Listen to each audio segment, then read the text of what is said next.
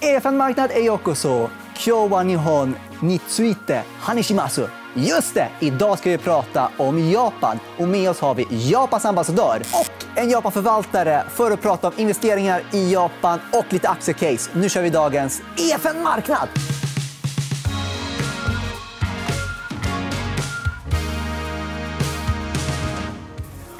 Och ja, då inleder vi först med Japans ambassadör Noke Masaki. Welcome!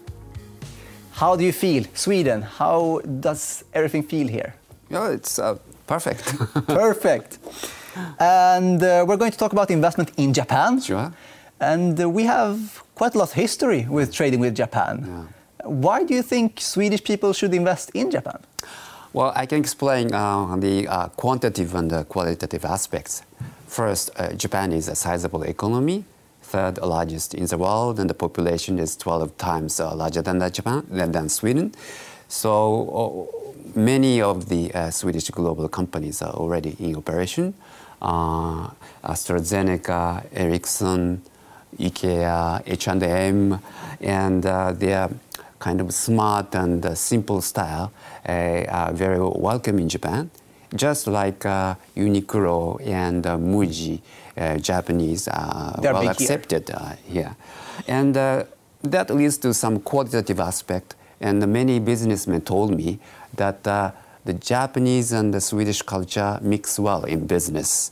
Uh, we are both rather uh, discreet and careful and uh, try to uh, know each other before becoming friends or uh, doing business. So it might take a little time to begin, but when uh, trust is built, trust is the keyword. Uh, the business goes smoothly and move uh, in a long term. And uh, Hitachi Energy is one of the uh, biggest uh, partnership between Japanese and the Swedish economy, and that began first uh, many years of ABB's uh, activities in Japan, which was successful, and then uh, there was a joint venture for high voltage uh, direct current, and Hitachi bought the uh, uh, uh, power grids uh, branch of ABB. And now uh, they, they continue to work in Sweden, even without uh, permanent uh, Japanese personnel, uh, because uh, t- the trust Yeah. is there. Yeah. So, um, yeah. And also like Nintendo and Sony and those kind Yes, of uh, yes, we yes. use every day. Yeah. Uh, and here's the thing. What would you say is the biggest misconception Mm. when a Swedish person invests in Japan or a Westerner Mm. in Japan? What's the biggest misconceptions? Um, well, people tend to think that we are very different, but first I, I would say that uh, there are lots of uh, similarities, so we can understand uh, rather easier than you have expected. And uh, maybe one of the biggest uh, uh, misconception is the role of women. Um, but the, the conception that men work outside and women work at home, it's, the, it's, it's over. The majority of women in Japan are working, and the, actually the number of women increased uh, by 3.2 million during the last nine years, although our population is decreasing. And the, the number of female executives among the uh, first class uh, companies uh, increased by five times during the last uh, nine years. So Sweden is uh, advanced in gender, but we are changing and there will be more change. Actually, that's a funny thing that you mentioned that Mm. it's also a lot of old people compared to young. So you need to uh, do something about that. And we got a question from one of our viewers that says, "What is Japan doing to get uh, to the bottom of that issue? How are you going to get more young people?" uh, could get more young people. So uh, we are encouraging uh, the uh, um, the young couples to uh, have uh, uh, more children to facilitate their lives so that the, the, the, work and the life would be more compatible. And we are also encouraging the elderly people to be able to work longer. Um, and uh, we use uh, AI, uh, robotics, and so on to uh, uh, make uh, the works uh, more efficient. And we also got a question from Elinor Hult, who is the other guest, and she really wanted to ask you this. Uh, Mr. Ambassador Noke-san, uh, I had a question for you uh, with regards to politics. Uh, after Abe and Prime Minister Suga, uh, now there's Prime Minister uh, Kishida, of course. Uh, how do you perceive his politics? Will anything change with his leadership? Uh, there is a, first there is a continuity because uh, uh, pr- current Prime Minister Kishida worked as the foreign minister and uh, uh, Abe uh, for four or five years. So uh, and uh, they were in the same cabinet, uh, worked together to revitalize the Japanese economy. Economic diplomacy was also important for our foreign policy. Uh, but uh, now he is uh, stressing on what he calls the new capitalism, um, which is to not only to enlarge uh, the size of the economy, um, uh, uh, ameliorate, improve uh, the, the dis- distribution of wealth. So uh, he would, he, we are trying uh, under the Kishida government to encourage various sectors and the various uh, different layers of the economy and society to uh, more actively participate in the economy. And finally, if you would say one biggest reason you think that more people should uh, invest in Japan, what would be like the most important thing that you can benefit from investing there? Uh, there are rapidly growing sectors in Japan. Uh, those are uh, green, digital, and life science. Uh, there, exactly, Japan and Sweden are strong and complementary. So you are most welcome. Uh, the Japanese government is also uh, trying hard to encourage uh, those investment, uh, inviting venture capitals, and uh, utilizing uh, our green innovation fund and so on. So the chance is there, and you are, are more than welcome. Noka Masaki, you are, we are honored to have you here. And now we are going to Elinor Hult för att prata vidare om japanska investeringar.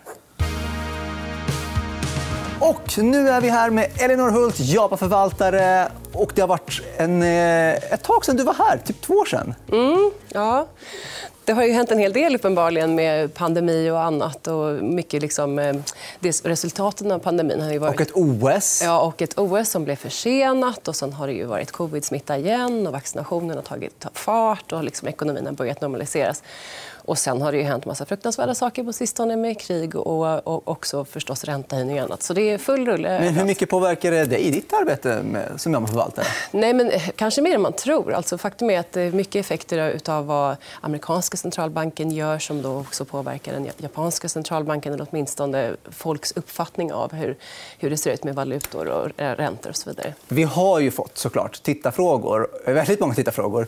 Och eh, en hel del var ju om den japanska centralbanken. Vi har ju en graf på det.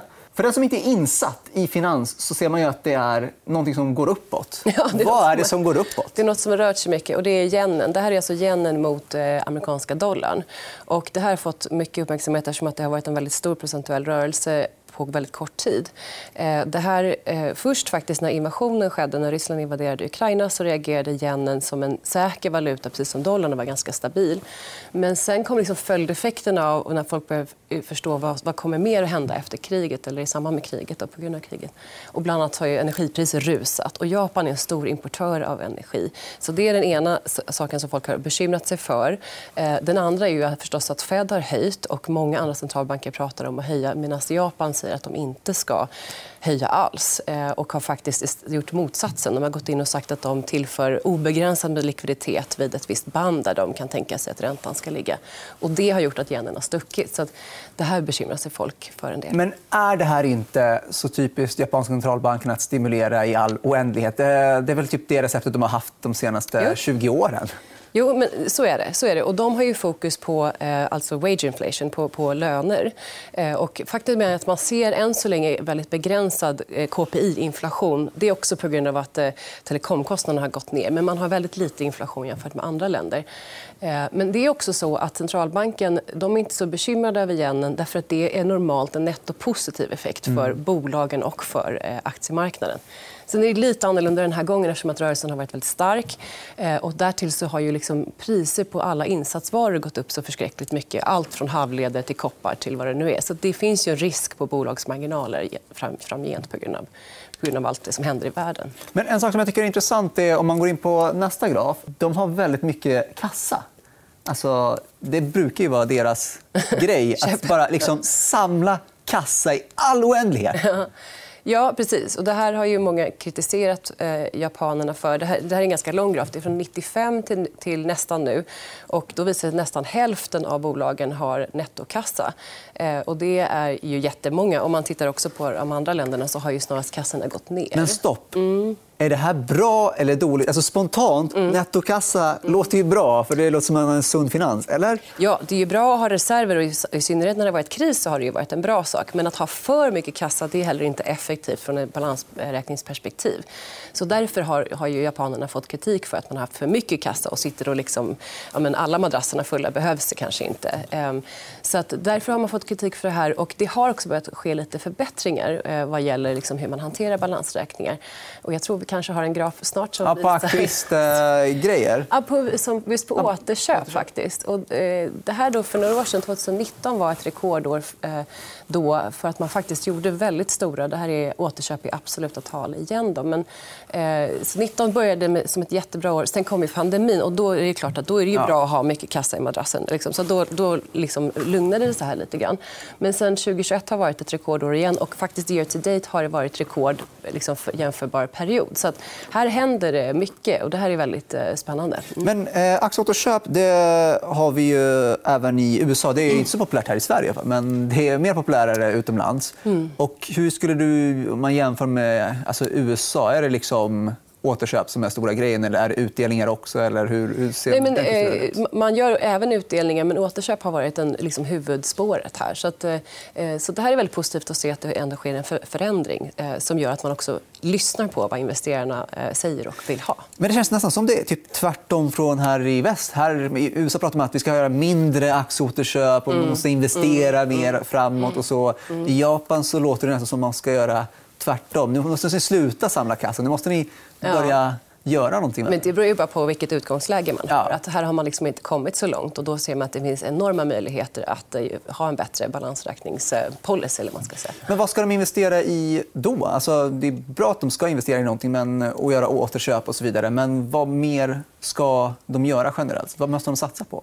Eh, ja, nej, men all möjlig capex förstås. Alltså, jag tror att vi kommer titta lite på till exempel inom automation och så vidare. Det behövs ju jättemycket capex för att mm. investera. Det har du ett aktiecase på. Ja, det, kom, det kommer lite strax här tror jag. Men, eh, nej, men det finns ju massor att investera på. Men, så att, men har man så mycket kassa som, man, som de har, som jag visar på bilden, så kommer det räcka till både capex och till att lämna tillbaka lite till aktieägarna.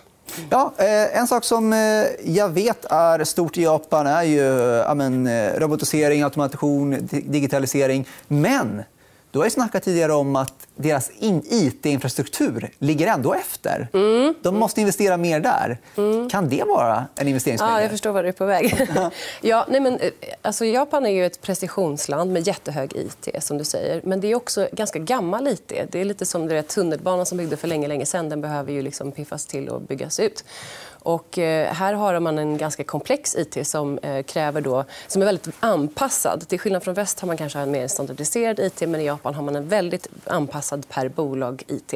Och det gör att när man ska göra förbättringar så är det liksom ett myller av olika lösningar som ska då anpassas till. Alltså, det är lite fragmenterat, it-lösningen? Ja, eller väldigt av överdrivet avancerat. kan man säga. Okay. Och så nu liksom sker ju förbättringar i det här och bolag eh, gör investeringar för att förbättra sin it. Men det, det finns ju fortfarande exempel på att även inom början pandemin var det väldigt svårt att jobba hemifrån. Man hade liksom inte den IT-lösningen riktigt. utan eh, Man förväntades komma in och kanske stämpla sina dokument. Så man, har liksom, man ligger lite efter, men det sker mycket på både lokal, liksom, eh, regional nivå och också liksom, på de stora bolagen och, och så vidare. Så att, eh, här, här, finns ett spännande case. Både, och vi har ju bolag som ja, men Fujitsu som är eh, en av de största i det här men vi har också liksom mindre nischade bolag som är duktiga på mjukvarutest. Till exempel ett som heter Shift som är liksom en aggressiv, ny, modern eh, konkurrent. Så det finns liksom, eh, olika sätt att spela det här på. Men det, det låter mm. intressant. Jag, jag, kan säga att jag saknar det här med stämplar. Det känns som mm. det har vi helt släppt i Sverige. Men om vi går vidare då till eh, det som är eh, aktivist... Eh, vad ska vi kalla det för? Aktivistevents kallas det här ja. för. Och det, här, eh, det här är väl egentligen för att knyta an till den här bilden jag visar med återköp och kasser. Att Eh, man ser ju eh, internationellt och nationellt i Japan att det finns extremt fin precision, bra teknologi, det finns jättemycket patent. Det är flest patent per capita i Japan jämfört med andra länder. Så det finns ju oerhört mycket liksom fina så att säga, varor. Eh, och det är jättestora kassor på balansräkningar.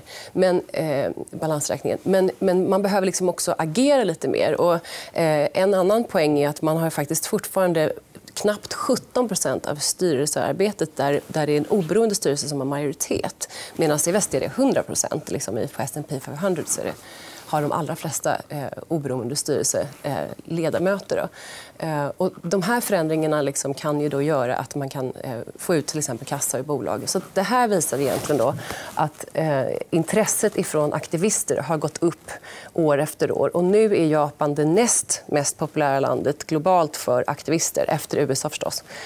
Så jag tror man kan komma och se mer av det här. Och det är också nåt som vi investerare liksom rider med på vågen. Vi är inte den här typen av investerare, men vi har ju samma mål ofta. Så därför så är det här väldigt intressant. Ja, och eh, när det kommer till aktivistinvesteringar... Jag kommer ihåg att det var inte jättelänge sen det var i Sony för första gången man skulle pusha där. Och, mm, mm. och så. Men vet du vad? Jag tycker att vi ska gå in på lite bolagssida. Mm, ja. Och, eh, då har ju du nåt så roligt som en operatör för Disneyland ja, i Japan. Ja. Alltså, det är inte Disney-aktien, utan ja, det är operatören där. Exakt. Den heter Oriental Land. Och det här har ju att göra med öppna upp-temat. Eh, och då kanske jag ska backa två steg och bara säga att eh, Japan var ganska sena med att komma, komma igång med sitt vaccinationsprogram. Men sen när man väl gjorde det så har man faktiskt gått om de flesta andra länderna vad det gäller dubbelvaccinerade. Så det är väldigt god vaccinationsgrad mm. och även nu trippel. Då, men det här är en lite enklare graf. Eh, och faktum är att, det här, att man var sen på bollen här det var en av de största anledningarna till att förra premiärministern som bara satt ett år Yoshihide Suga fick kliva ner. Eh, och nu finns det en ny premiärminister som heter Kishida. Ehm, men här har man drivit upp väldigt snabbt. Och nu, precis nu den 21 mars då börjar man öppna upp. Det finns vissa restriktioner kvar, men i huvudsak är det nu man kan liksom gå ut och äta efter åtta på kvällen. och sånt där. Och Det gör ju att eh, öppna upp spel som till exempel att gå och åka på Disneyland. Det är ju jätteintressant. Eh, sen är inte Disneyland bara ett spel på att öppna upp just nu. utan. Man har även andra saker som prishöjningar och andra saker, och work-life balance-förbättringar. Och, eh, men det här är ett, jätte, eh, ett ganska unikt eh, aktiecase. Jag har inte så många såna här i portföljen, men, men ett roligt att ha och de gynnas jättemycket av de här, eh, den här eh, perioden som vi är i nu. Men Recovery Play är väldigt intressant. Eh, och Disneyland är ju som sagt ett väldigt starkt varumärke. Och så, men de äger ju inte varumärket. Finns det någon risk där? Nej, det skulle jag faktiskt inte säga. De har fram till 40, eh, 2046 eh, är det befintliga avtalet, om jag inte minns fel. Och sen är det ytterligare till 76 som man har liksom ja, god ja, relation. Så jag tror inte man behöver vara orolig för det. faktiskt. Nej, de antar att Disney är rätt nöjda med de här. Det, det tror jag också. Det har väldigt, väldigt bra reviews, det här centret för att vara ex, liksom, exceptionellt i hur, hur man behandlas när man är där. Och så. så jag tror att eh, Disney ja. vill ha kvar det. Mm. All right. och, eh, sen har vi eh, lite på automationstemat. Ja. Eh, ja. Och då är det många bolag som eh, ni kikar på. Vi ser här. Ja, och det här är väldigt spännande. Här är, alltså, apropå att Japan är så duktiga på precision och så vidare så eh, här är ett, ett, ett område som jag tror många kommer gynnas av framgent. Alltså, eh, Japan har ju naturligtvis en fallande absolut befolkning, en åldrande befolkning och därmed en väldigt tajt arbetsmarknad. Eh, och innan pandemin så fanns det liksom 1,7 jobb per arbetssökande. Så fanns det nästan två jobb per person som sökte jobb. Så det var väldigt, väldigt tajt. Och då, då blir det, det är ju ett problem, men då finns det ju alltid lösningsbolag då, som har kreativa idéer om hur man gör det här eh, bättre. Och, eh, bland annat finns det ju bemanningsbolag som löser den ena delen men också automationsbolag då, som utvecklar eh, liksom robotaktiga lösningar på det här som är himla coola och spännande. Och nu faktiskt, eh, för inte jättelänge sen så såg jag någon sån här, eh, enkät för globala företagsledare vad de var mest oroade för liksom, från 2022 framåt. Och då var det inte pandemin och sånt utan det var att eh, bristen på arbetskraft som man såg nu skulle bli permanent eller långvarig. Och, och då tänker jag att liksom det här temat eh, med liksom automation eh, det kommer att finnas länge. Och där är japanerna bland de absolut bästa eh, bolagen. Det vi ser här är en, det här är faktiskt en 2D-robot eh, från Keyence. Men det finns ännu mer avancerade robotar som kan liksom välja en mutter ur en samling med prylar och sätta den på rätt ställe. Så de har liksom vision, då, de ser och de kan välja och de kan göra saker. Så att, eh, de här, och alla de här bolagen är i, i, i det här området. Daifuku de är specialister på logistikcenter och sånt. Och det används ju ytterst mycket i, i e-handels eh, lagervaruhusen. Och där blir det också mer avancerat. Du vet, produkterna blir mycket större och mindre och större blandning. Och då är det också bättre att ha liksom en, en automatiserad lösning. Så att, eh, spännande område. Mm. Precis. Och, eh, ett annat område som eh, i alla fall jag tycker är väldigt spännande mm. som japanerna är grymma på är ju spel. Mm. Alltså, då har vi både Sony och Nintendo. Och vi ser ju här en hel del bolag som eh, Uh, det är Bandai Namco också som är publisher till Elden Ring som ja, är väldigt exakt, populärt. Exakt. Ja, du är väldigt kunnig inom det här området. Ja. ja, nej, det här är himla spännande. Och varför jag valde att ta med det här nu är att liksom, under pandemin så var det förstås väldigt många som spelade eftersom att man var hemma och hade tråkigt och inte kunde gå ut och så vidare. Och nu, det här är ju absolut inte ett öppna, öppna upp-spel så som Disneyland är. Men när det har varit nu så svängigt liksom i, i, mellan value och growth och ränta upp och ränta ner liksom, och marknaden är lite slagig, då är det här ett område som faktiskt känns som väldigt säkert. De, de, de har sina trogna kunder, de säljer sina spel, man vet att de har en god pipeline och så vidare. Så de är väldigt fina att ha i portföljen. Eh, Nintendo har ju i sin konsol, den börjar bli ganska gammal. Så ja. rent liksom, tillväxtmässigt så kanske inte det här är det mest aggressiva tillväxtcaset. Men däremot har de en väldigt massa fina spel som är uppradade för att komma den här närmsta tiden. Dessutom har de börjat... Eh, nu kommer en film här innan jul, Super Mario-film. Så att de har liksom börjat bredda en aning på hur de använder sitt IP. Eh, så det, det, ja, man kan hoppas att de också använder sitt IP ännu bredare. för De har ett fantastiskt liksom, varumärke. Och Sony har ju eh, Spiderman som eh, de också utnyttjat en hel del, både som spel och film. Exakt. och Det här är lite poängen. att Sony, alltså man tänker kanske på Sony som en tv-apparatstillverkare. Och ja. Det finns, liksom, eller det, det, det, är en gammal business, men de har eh, vissa sån här apparatur kvar. Men det de framför allt är att de är ett mediehus. Alltså hälften av vinsten är ifrån liksom, musik, och från film och från ehm, eh, eh, spel och såna här saker. Eh, och det de just gör och har börjat komma underfund med är att man kan liksom korsbefrukta de här med varandra. Så att Spiderman det var ju en film och det var ju en comic och så vidare. Och nu är det ett spel och det finns musik. Och liksom man så breddar liksom hur man använder det här. Eh, så Sony är ett fantastiskt bolag. och det är, det är, Jag skulle säga att det är rätt undervärderat på grund av att det är ett konglomerat och de har många olika delar. Och folk... De har livförsäkring till exempel. De har livförsäkring eh, som har vissa funktioner som också är bra. Men, men eh, det är också ett fantastiskt bolag. Nu är det, ju sånt, det är fortfarande jättesvårt att få tag i ett PS5 som, ja. som liksom alla vill ha för det är så himla grymt. Bästa lanseringen någonsin trots komponentbristen och att de inte liksom kan nå så många volymer som de vill. Så att, eh, nej, Sony är skithäftigt och jättefint bolag. Um, och sen något, och de här två är ju rätt stora. Nintendo 70 miljarder dollar, Sony 120 eller sånt där. Så det är stora. Sen har vi Bandai Namco som är knappt 20 miljarder dollar, så mindre. Uh, men de gör också lite samma sak, att de liksom breddar hur de uh, använder sitt IP. De har den här roboten som, som är liksom högst upp på, på bilden till höger. Eh, Gundam kallas nästan för. Det är lite som Transformers. Eh, och de här säljs alltså som samlarvaror då, och globalt och är jätteuppskattade. Alltså som merch? Liksom. Ja, ja, precis. Jättefina, ganska dyra och eh, uppskattade. Men nu har man också börjat kliva in ganska aggressivt och, eh, i, i metaverse. Och då ska de liksom använda de här robotarna i någon värld där man kan lyssna på livemusik och man kan göra massa andra saker. Och det här låter ju lite halvgalet, men liksom Facebook har klivit in dit, Sony är på väg dit. Alltså, eh, så att, eh, de har absolut ett, ett, finger med i spelet. Och samtidigt har de en extremt framgångsrik eh, lansering av Elden Ring, då, som du nämnde. Sålt 12, miljarder, 12 miljoner förlåt, kopior och man väntade sig kanske 5-10 på väldigt kort tid. Eh, så att, eh, det är mycket bra som händer i de här bolagen. Så jättekul att ha såna i portföljen också. Ja, det är mycket, mycket som händer. Du har helt rätt. Det är jättesvårt att få tag på en PS5. Jag fick kriga länge för de som följt mig på Twitter. Men det var allt det vi hann med denna gång om Japan. Vi är tillbaka på onsdag med David Wendell som är vd för First Venture. Missa inte det. På återseende.